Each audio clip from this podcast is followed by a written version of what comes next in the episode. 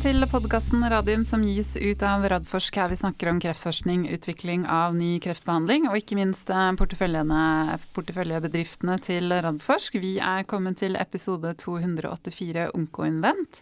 Det er 17. oktober. Eh, klokken er halv tolv. Velkommen i studio, Jonas Einarsson. Tusen takk, Elisabeth. Jeg tror jeg klarte riktig dato i dag. Veldig riktig. Helt riktig. Forrige uke så var jeg helt Jeg vet ikke hva som skjedde, skjedde der. Um, alt bra?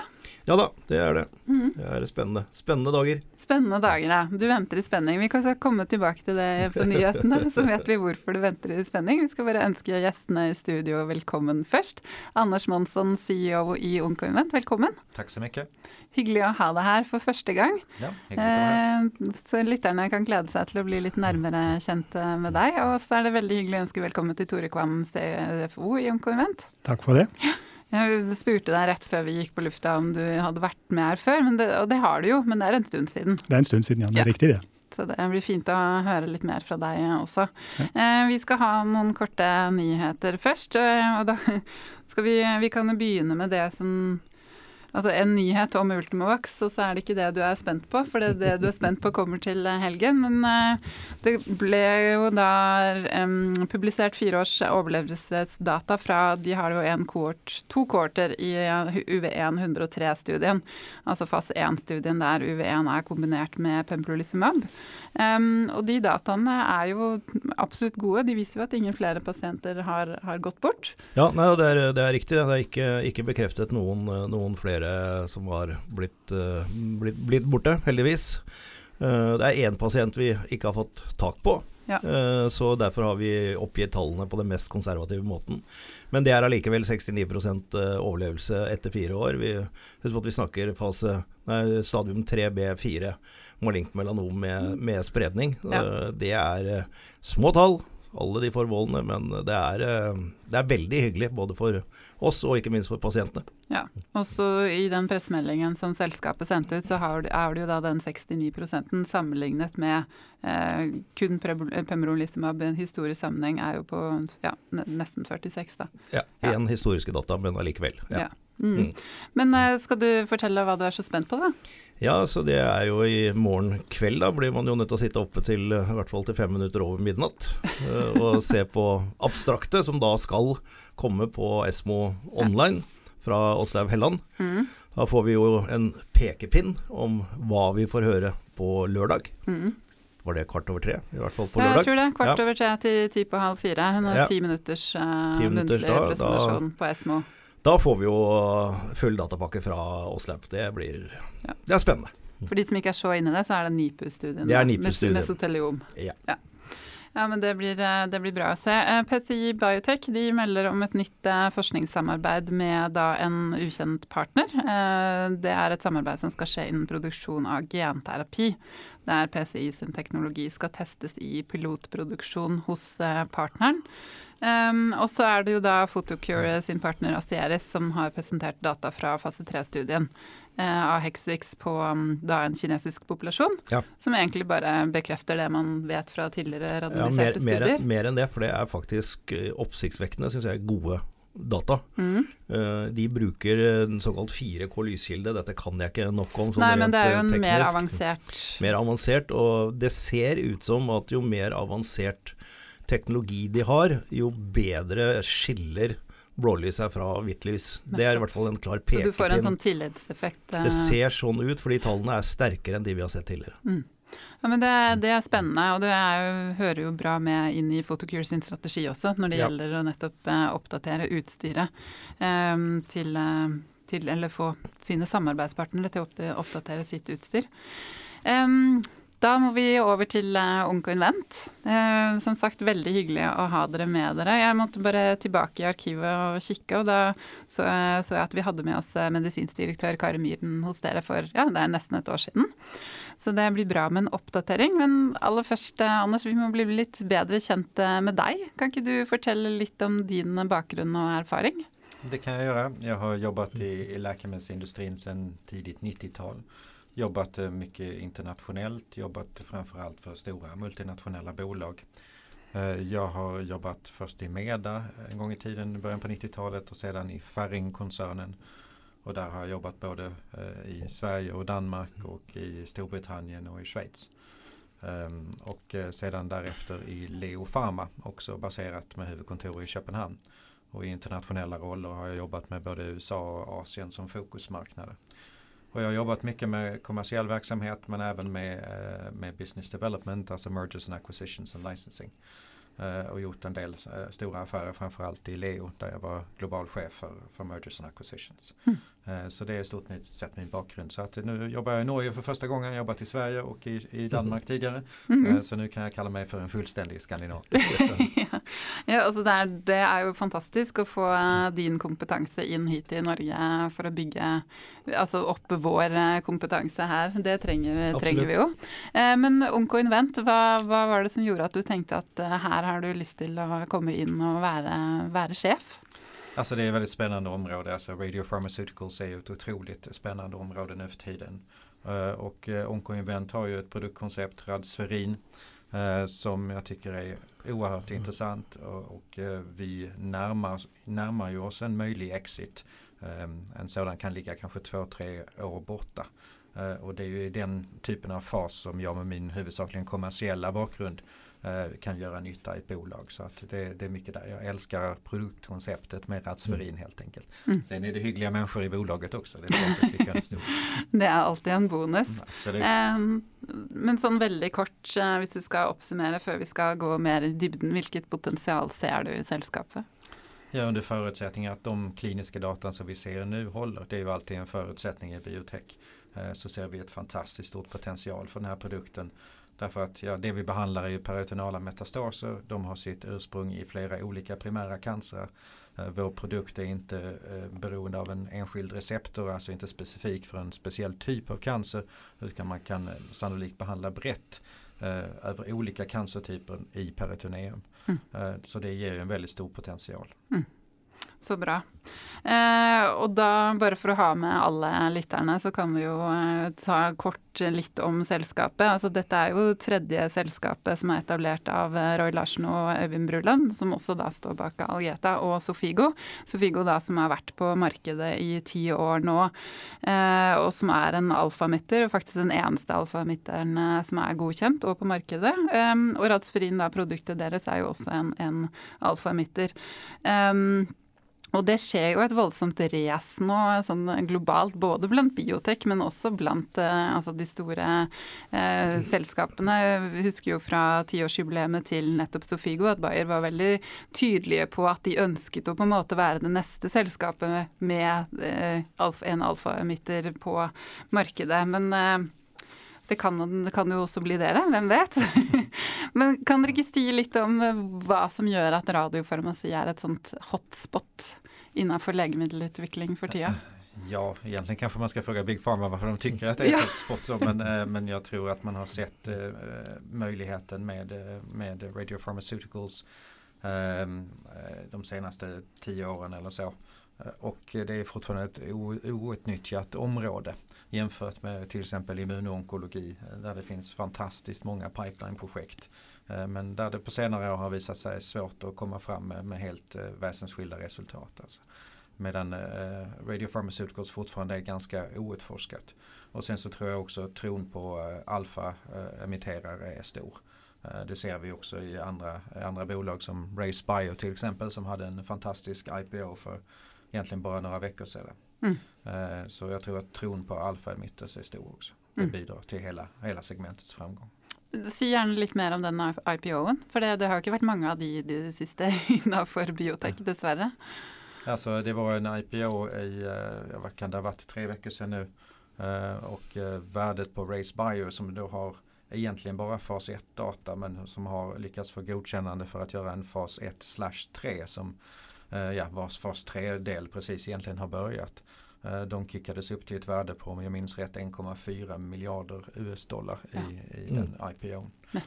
Så att det, det talar ju för att det finns ett stort tilltro mm. till den typen av terapi. Hvilke muligheter gir det dere, som et eh, lite norsk biotek innenfor dette segmentet, med den track recorden med deres eh, gründere? Ja, det är ju sällan man gläds åt konkurrenternas framgångar men just i det här tillfället så tror jag att det är väldigt bra för oss. För det visar ju hela investerarcommunityt att det finns eh, att tjäna i det här segmentet. Att den starka tilltron som finns både bland institutionella investerare men också bland Big Pharma eh, är närvarande och starkt. Och vi såg ju också bara för två veckor sedan tror jag det var nu att Lilly eh, gick in och köpte Point Bio. Eh, så Lilly gjorde också resan över gränsen till Radio Pharmaceuticals. Och jag mm. tror att flera stora andra bolag kommer att följa i deras spår. faktiskt. Mm. Einarsson? Ja, nei, jeg, jeg, er helt enig. Det er, eh, det er eh, sånn Du sier at det er litt sånn ut, uttappet marked, og, og, det tror jeg er, er, helt riktig. Eh, nå jobber vi mye i immunonkologi-delen, og det kan, jeg kan være med på at det er ganske crowded uh, der, men det er jo spennende likevel. Men uh, radiofarmasi, ja, og vi snakker ganske mye med store internasjonale investorer og ikke minst med Big Pharma, og prøver å mappe interessen. Og det er nesten ingen nå lenger som ikke nevner radiofarmasi som en av de store. Jeg var på den immunonkologi 360-graderskonferansen i New York i februar. Uh, og da var de beste analytikerne i USA, og de hadde absolutt uh, flere slides på radiofarmasi enn de hadde på, på andre ting. Så mm. det, er, det, er, helt, helt riktig at det er, det er hotspot om dagen. Mm. Eh, og så I forhold til dere, da. så Radsfrin, som du sa, det er jo en, eh, det er alfamitter som skal uh, ta kreft i hulrommet i kroppen. Og dere er jo da i ferd med å avslutte rekrutteringen i to fase 1-2A-studier. Henholdsvis kolorektalkreft, uh, tykktarmskreft med spredning til bukhulen, og ovariekreft, altså eggstokkreft med spredning til bukhulen. Um, og så kom dere med en ny selskapspresentasjon nå i september. Eh, og det her slår dere jo fast at dere mener at Radsferin har et såkalt blockbuster-potensial. Hva begrunner dere dette med? Ja, vi, vi, har helt enkelt regnet litt på det Her. Altså, de pasienter som vi nå inkluderer i studien, om man tittar på deres inklusjonskriterier, eh, så finner man at den pasientpopulasjonen motsvarer ungefär 4 000 patienter i varje kräft eh, och 20 eh, 000 patienter i kolorektalcancer. 24 eh, 000 patienter sammanlagt alltså. Och det är då med ganska begränsade inklusionskriterier. Och detta är bara i USA och Europa. Och sen så räknar vi med om vi har de resultat som vi har för tillfället även när vi har gjort fas 2B eller 3. Då räknar vi med att vi får en standard of care upptag på detta. Så har vi räknat med 70% penetration som standard of care och relativt snabbt upptag också. Och gör man matematiken på det och så har vi tagit ett prisbenchmark under eh, de andra eh, prissättningarna som finns i Radio Pharmaceuticals-marknaden för att vara lite konservativa. Det är ganska höga priser som ni säkert känner mm. till men vi räknade med 50 000 dollar. Och sen så räknar vi med 20% eh, försäljning utanför Europa och USA. Och gör man den matematiken så, så når man över en miljard US-dollar i omsättning. Mm. Eh, och då ska man också komma ihåg att det här är ju med ganska smala inklusion, inklusionskriterier. Om man breddar de här grupperna lite så kan ju det här eh, ökas med en multipel också. Mm. Mm. Och det dere också var innom i presentationen är ju att det, det, är ju andra kreftformer också som kan vara aktuella, inte sant? Exakt, sen kan man ju expandera. Nu, nu utvecklar vi ju det här för kolorektal cancer och varjecancer. Men en annan indikation i samma peritonala område som vi tittar på är ju gastric, eh, eller gastric cancer. Eh, och den har en ännu sämre progression, en ännu sämre prognos eh, obehandlat eller behandlat med dagens tillgängliga medel. Mm. Eh, så där finns ett enormt eh, stort eh, mm. medicinskt behov som inte är tillfredsställt idag. Det er fortsatt med spredning til uh, bokhulen? Ja, det er fortsatt ja, med, med ja. metastaser som huvudindikationen. Ja, der vil jo Asia være et kjempemarked då. Ja, det kan mm. veldig veldig. Ja, for de har høyere antall? Veld, veldig mye høyere antall med, med mage-tarmkreft ja. ja. i, i, i Asia enn det er i Vesten. Ja. Så at det her er fantastisk spennende. Og skal man dra det til sin spets så kan man jo også tenke seg at man kan ta samme koncept og anvende i andre kroppshåligheter Og da har vi tittet litt på plojra, alltså lungsäcken mm. eh, som ju också drabbas av metastaser i stor utsträckning. Så att samma koncept skulle kunna användas även utanför peritoneum. Mm. Men det finns en stor utvecklingspotential bara i peritoneum också. Mm. Nettopp. Ja, det blir uh, spennende. Eh, og så snakket vi om eh, forrige uke at eh, dere presenterte, eller ikke dere, men eh, kirurg og onkolog eh, Stein Gunnar Larsen han presenterte da 18 måneders data innen kolorektal kreft eh, da fra den fase 1-2 av studien på en konferanse nylig. og der så, vi, så, man jo at pasientene har en veldig god bivirkningsprofil. Det er jo kjempeviktig, det er jo det man skal slå fast i fase 1. Og så ser man jo etter da signaler på effekt, som vi vel kaller det her i mm. podkasten. Um, og da så man jo at etter 18 måneder så var det jo ingen pasienter som hadde fått en tilbakefall. Uh, og det vi diskuterte da helt sånn top of litt sånn random, var jo har man noen historiske data å sammenligne med her? Mm. Altså, vi, vi, så inget peritonalt återfall. Det er viktig å presisere. Mm. Eh, men det är ju peritoneum vi behandlar så det är egentligen det enda som vi kan åstadkomma. Och det är ett fantastiskt resultat. Så bra kommer aldrig slutresultatet att vara. Det finns inget läkemedel som är hundraprocentigt mm. effektivt. Mm. Men vi hade också en, en avsevärd reduktion i förväntade totala återfall. Efter, ehm, alltså om man har de här patienterna och behandlar dem enbart med HIPEC som är standardbehandling idag, alltså högtemperaturs kemoterapi, ja, då återfaller 50% mellan 10 och 12 månader. Eh, och nu hade vi 33 procent efter 18 månader. Och inga peritonala återfall överhuvudtaget. Så det är fantastiskt bra data mm. Mm. Ja, for det er den, de metastasene også ikke sant, i peritoneum som pasientene dør av også. Ja, så det er de, derfor de, det er jo så viktig på en måte å gå inn der og behandle. Ja, og det er bare dem vi kan behandle. Har patienten redan distala metastaser mm. som man ikke har upptäckt. Det er ingenting vi kan behandle med, med Resverin. Nettopp. Um, er det sånn at det foreligger noen data fra ovariekreftstudien enda som er uh, publisert, eller finnes det planer for eventuell publisering her? Altså, De pasientene har ikke kommet like langt ennå, så vi har ikke publisert data. Nei. Så det vil komme når de dataene foreligger. Eh, og så har det jo seg sånn at det nettopp som du sier, at det er jo helt fantastiske data da på den kolorektalkreftdelen. Da ønsker dere jo å gå videre med den kliniske utviklingen. Da har man sjekket av fase 1 og 2 og fått de resultatene som man ønsker. Kan dere ikke si litt eh, om det kliniske løpet? Ja, altså vi planerer jo for å starte fast 2B. Unnskyld min røst. Det går fint. Drikk litt mer vann. Det er lov å ta litt kunstpause og drikke vann i den podkasten her. Det er viktig. Ja, vi, eh, vi planerar att starta fas 2 B-prövningar både i kolorektal cancer och i ovariecancer i, i vår. Eh, efter att vi har finansierat upp bolaget så vi kan ha en runway för de här studierna. Mm. Du sier litt om tidslinjene og eventuelt studiedesign, eller er det fremdeles sånn planleggingsstadie? Ja, I, i varje cancer så, så um, ja, vi beholder de inklusjonskriteriene som vi har hatt hittil, faktisk. Mm. Ursäkta meg min røst. Det går fint. Vil du det, supplere, Tore? Jeg tenker litt, at du uh... det, det, er jo to, to, studier som er relativt like sånn eh, protokollmessig, uh, med, med, 90 pasienter totalt. Kontrollerte, randomiserte, med 60-30 da i pasientene. 60 aktiv dose og 30 i, i ikke. Så det, som, som, Anders var inne på, så vil det være studier som løper i, både i USA og Europa, uh, er tanken. Med oppstart i tidlig i 2024 er planen. Mm. Nettopp. Og da eh, legger man seg ganske sånn tett opp til den strategien som Algeta hadde, med at man hadde ganske få pasienter i fase to. Ser dere da noen mulighet for å søke conditional approval eh, basert på de fase to-dataene? Ja, altså vi regner med at vi har full rekruttering i denne studien, eller de her studiene til slutten av 2025. Og samtidig har vi da hele oppfølgingsperioden fra de tidligere studiene klar. Mm. Tapper røsten. Ja. Ja, så vi, kan si, disse studiene vil jo løpe da med rekrutteringsperiode sånn mot slutten av 25, vil vi forvente. Det, det med rekruttering er alltid litt sånn uforutsigbart, og så er det en oppfølgingstid på de mm. deretter. Um, og i den opp, oppfølgingstiden så, så Det er jo der vi ser det, det exit-punktet som vi snakker om. Um, og så, så, ser vi definitivt at det, det, er muligheter for en conditional approval. Det, med de resultatene vi har i dag, klarer vi å gjenskape de, så vil det være naturlig for oss å, å forsøke oss den veien. Mm. Det fordrer at man har nok pasienter både i, i forhold til effektpopulasjonen sin og eh, safety-populasjonen sin. Mm.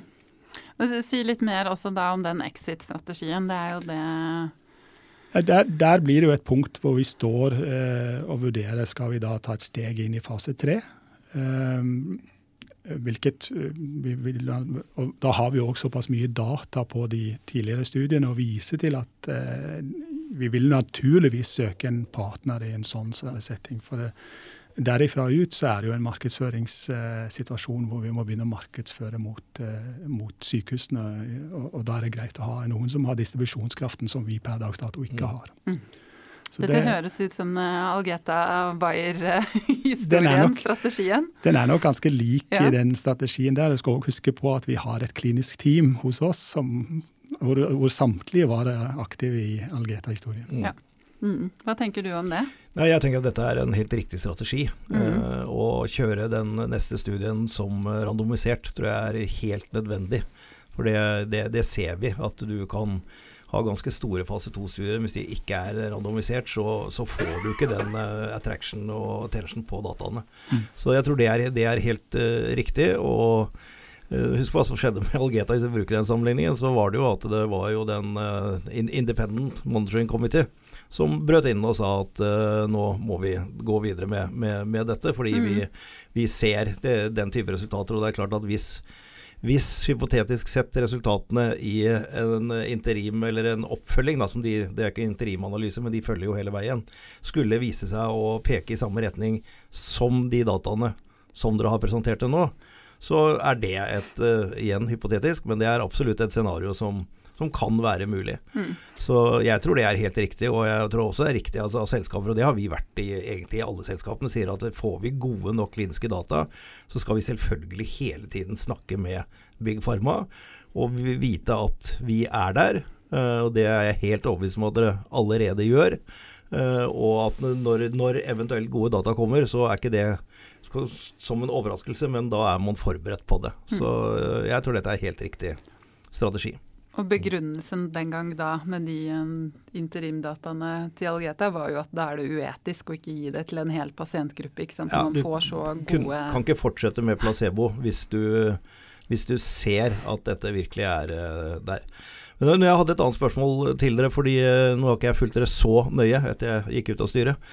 Men responsen nå tilbake fra klinikerne For det er jo alltid når vi tilfører noe nytt og spesielt hvis det er annerledes enn det som har vært før, så har vi jo sett at det kan møte motstand hos klinikerne. At det er noe som lager noe mer føss. Det, tar, det er mer, mer, belastning for pasienten. Eh, nå var jeg vel med såpass lenge at jeg tror svaret er at dette syns de ikke er noe problem. Men, eh, men hva, hva, er liksom ståa på det per i dag? Nei, altså... Eh vi, vi, er egentlig veldig heldig stilt der, jeg trenger ikke legge skjul på det. Eh, vi har fått en veldig god tilbakemelding fra klinikerne hvor, eh, hvor eh, nå med fase 2B-studien, hvor de spør egentlig når kan vi begynne. Ja. ja. Eh, og Det går nok litt på at vi, eh, vi, forstyrrer på en måte ikke dagens behandling som disse pasientene får. Vi legger oss inn til da, den behandlingen de får, og, og det, det, er ikke flere døgn for pasienten på sykehus eller noe sånt. Slik at det er veldig lite eh, på en måte ekstra arbeid for, ja. for klinikerne. Utfordringen ligger jo i at du her har veldig, nesten hele det brede teamet må være med på dette, altså av behandlere. Både onkologer, radiologer, eh, you name it, for, for å få dette til. Uh, og da er en del sånn intern logistikk og sånn, og jeg vet at dette har løst man elegant på Radiumhospitalet. Men har det, har det, gått greit å implementere det også disse andre stedene dere har eh, behandla pasientene? Definitivt. Det har ikke vært et, egentlig en utfordring i det hele tatt på de sentrene vi har brukt det nå. Okay. Så det har vært uproblematisk. Mm, så bra. Det å gå inn i kliniske studier, det krever eh, kapital. Det gjør det. Det er ikke, det er ikke gratis. Eh, hva, hva, er, eh, hva, er, planene der? For å eh, nei, altså Disse to fase 2B-studiene som vi nå snakker om, de er vi nødt for å finansiere for at vi skal kunne starte de. Eh, og Det er en prosess som vi, vi allerede har så smått starta. Um, prislappen som vi ser det, da er eh, vi, vi trenger en, eh, rundt regna 50 millioner US dollar for å komme i mål med, med disse studiene, samt en run rate til liksom det neste exit pointet som vi snakker om, som er mm. liksom i begynnelsen av 26. Mm. Så det er total, Og, og den kapitalforhøyelsen der vil nok vi gjør nok den i transjer, så vil vi nok bli en, et løp. Det vil vi gjøre vil jeg anta at, at vi tar det litt forskjellige steg.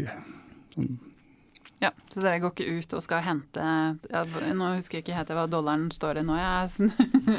det er ikke, det er ikke 11? Ja. ja. Si så, så, du kan si 50, 50, ja, hvis, hvis penger er der, så tar vi de. Hvis penger er der, så tar vi de. Eh, men, men, eh, vi må huske på at vi kommer fra et markedssituasjon som ja. har vært litt utfordrende på kapitalsiden. Eh, mm. Så det må vi erkjenne, og så se, så, så se hva vi får til. Mm. mm. Ja, for Hvordan ser dere på det, med det å gå ut og, og hente nå? Akkurat nå, altså, bio, Biotekbransjen har jo vært egentlig er nå på en sakte recovery-type, hvor man sakte, men sikkert kommer tilbake igjen fra å ha vært en nedtur. Eh, akkurat vår bransje, Radiofarmika, har egentlig vært, som vi var inne på her tidligere, veldig, veldig bra, med, og ikke minst drevet av det amerikanske markedet, hvor det har vært stor interesse. Det har fått til og med børsnotering av RaceBuy og, og, et oppkjøp som, i Point. Men mm. det er òg andre transaksjoner som skjer, skjer der borte på, som, på veldig attraktive kurser. Så, så, vi er nok i en, et segment som er på veldig positiv side mm. akkurat nå. Mm. Um, så, så, vi håper jo at vi skal kunne bruke det òg til vår fordel. Mm. Og du, og du, har jo erfaring fra Art Bio. Ja da, det er, ja, det er Hvor dere også hentet inn, inn, penger og var mulig. Og det er jo amerikanske spesialistinvestorer. Det er amerikanske spesialistinvestorer som ja. absolutt ja. ser på denne, denne sektoren. Mm. Det er det.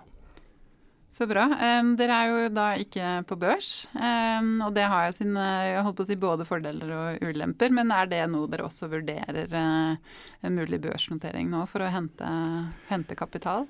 Ja, når vi henta kapital i 21, så signaliserte vi jo det. Men etter uh, den tid så har jo egentlig markedet vært uh, for børsnoteringer ikke vært til stede i det hele tatt. Og, og, selv om det nå begynner å være noe, det er noen lyspunkter på det, uh, og vi ser at den sjette noteringen på Oslo Børs kommer kommer nå i nær framtid, så, så, er det naturlig for oss å vurdere den, den, den fasen òg. Og vi vil nok gjøre alle tilpasninger for, hos, på egen del for å være klar eh, hvis en sånn beslutning skulle komme. Så det, det er løpende vurderinger på. Mm. Det høres eh, bra ut. Um, sånn helt til slutt, hvilke milepæler skal man følge med på eh, hos eh, dere? Ja, altså det er jo kapitalanskaffning nå og start av, av fas 2B-studiene. Og um, Ja, därefter så är det ju inte så långt till ett möjligt exitfönster i slutet på 2025, början på 2026. Ja, det går veldig fort faktisk. Mm. Mm. Ja, det blir veldig spennende. Da har vi mer spennende data å, å følge med på. Ja, absolutt. absolutt. det er godt det kommer mer. Ja da, ja da. Det er veldig hyggelig hvis vi på en måte kan konfirmere disse dataene også med ovarie. Eh, data, for da, da, åpner du liksom litt sekken med, med, dette med at det er mer universelt enn at det er cancer-spesifikt. Mm. Uh, og det tror jeg også er en trend som, uh, som kommer mer og mer nå, hvor, hvor, det er flere som ser at det kanskje kan være mulig å få indikasjonen metastaser til peritoneum istedenfor hvilken type kreft det er. Det, mm det har skjedd før, så det er, det er, en mulighet. Ja, absolutt. Og så vil jeg egentlig bare anbefale lytterne våre å lese selskapspresentasjonen deres også, som ble lagt ut nå i september. Veldig god og gir mye bra informasjon om både selskapet og Radsferin, og som vi har snakket om, da, potensialet. Dere må ha masse lykke til. Så gleder jeg meg til at dere kommer tilbake i studio når det er eh, nye data og nye ting som skjer. Takk, Takk for, for i dag. Takk for det.